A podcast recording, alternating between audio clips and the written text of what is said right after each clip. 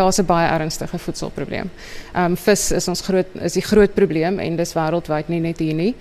Die ander dinge kan mens aanspreek. Ons het nou al die ehm um, hulle neste aangespreek. Ons het al die ander groot issues, die olie is redelik onder beheer plastiek het baie bewustheid gekry. Vislyn kry baie bewusmaking daar buite, maar vis is 'n reuse probleem. Daar's letterlik nie vir hulle vis om te eet nie. En selfs die vissermanne by ons ons sukkel om vis aan te koop om die voëls wat in rehabilitasie is te voer.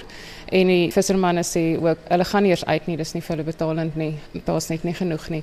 En die enigste manier hoe jy regtig daai probleem kan oplos is om marine protected areas om die kolonies te hê sodat die vis net in daai area weer actually kan broei en kan terugkom. Stal sê die voëls is nie sterk genoeg om so ver te moet swem agter kos aan nie. Op hierdie stadium die pikkewyne op daai eiland swem tot 50 km een rigting om vis te kry. So as jy op eiers moet sit of kuikens het of moet verveer, is dit 'n probleem want jy kan nie terugkom om jou maat te kom aflos op die nes. Jy weet elke 24 uur nie.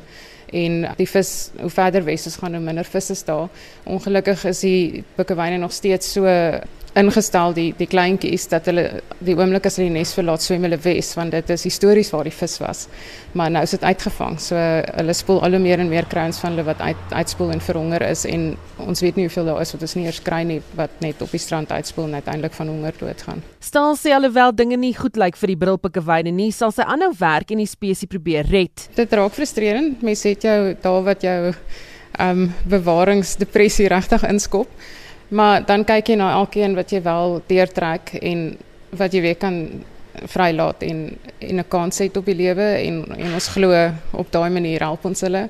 Maar as hierdie kwessie nie aangespreek word nie, gaan ons oor 7 jaar nie meer pikkewyne hê daar buite in die see nie. Hulle gaan uitsterf. Dit is dis so naby ons nou is 2026 is die die D-Day. Die bestuurder van die Daer Eiland Bewaringstrust, Pinky Ngwewu, sê die sleutel tot die bewaring van die pikkewyne is gemeenskapsopvoeding.